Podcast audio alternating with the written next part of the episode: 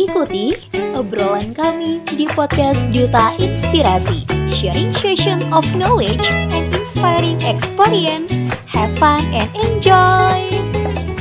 Hello, good people around the world. Welcome back to Inspiration Ambassador Podcast, and thank you for being here. I hope you are doing well out there, and my God always bless you in every step of your journey with joy. And of course, don't forget to love yourself fully and unconditionally. Okay, good people. I'm Galuh Intan Nadya, Indonesian Inspiration Ambassador from West Java. In this great opportunity, I will accompany you on this special segment Mosing, monologue bahasa asing or monologue in French language. First episode with a very interesting topic. Build your security through self-love.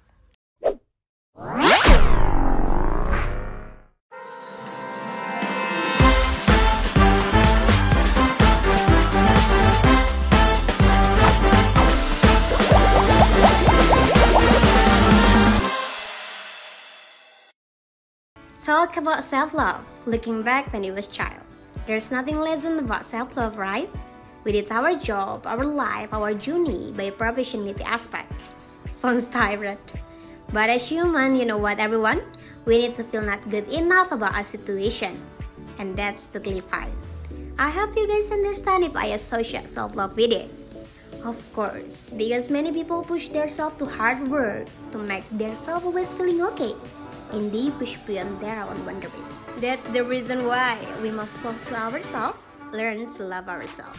Before a person is able to practice it, first we need to understand what it means. So, what is self-love?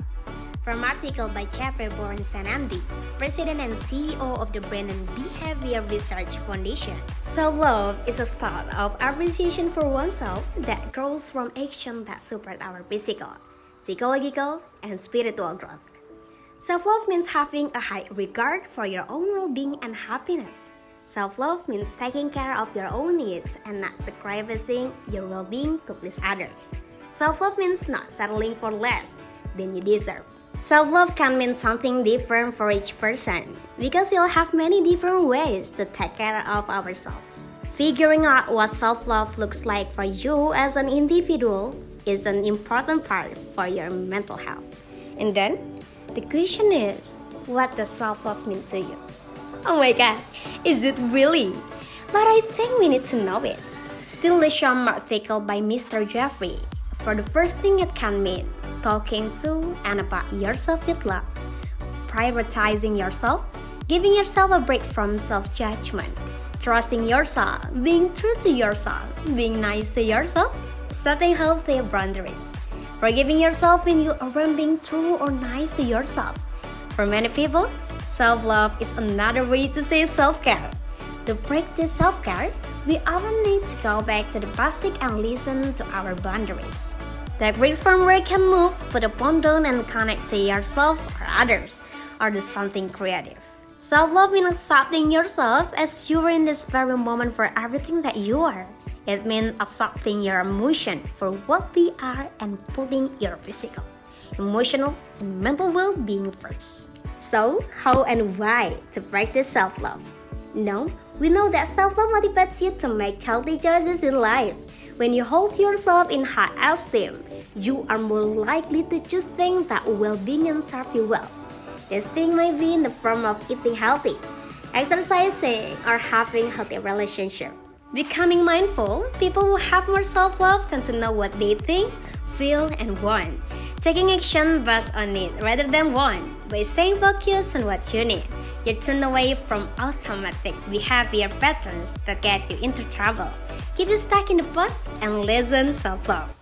Practicing good self care, you will love yourself more when you take better care of your basic needs. Finally, to practice self love, start by being kind, patient, gentle, and compassionate to yourself. Have a look at some of the ways you can build your security through self love. For the first thing is appreciate yourself and your journey. However, by appreciating yourself and being grateful for what you have, you will feel accomplished. And then, ask yourself what happens next. If you keep comparing yourself to other people, you will never be happy with yourself. You will always focus on what you don't have and undermine yourself. You will live for others' validation.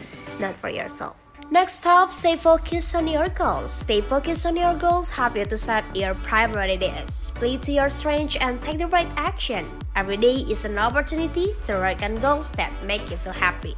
And last important things change the way you look at failures and setbacks. Don't beat yourself up when you stumble and make mistakes. We are all learning and mistakes help us to improve ourselves. Instead of undermining yourself and becoming obsessed with your failures, with what you can learn from your experience. So yeah everyone, I'm Galuh Intan Nadya, Indonesian Inspiration Ambassador from West Java. Podcast Inspiration Ambassadors, Move Inspired, Impact Inspiring. Indonesian Inspiration Ambassador, 3 months of service, forever inspiring.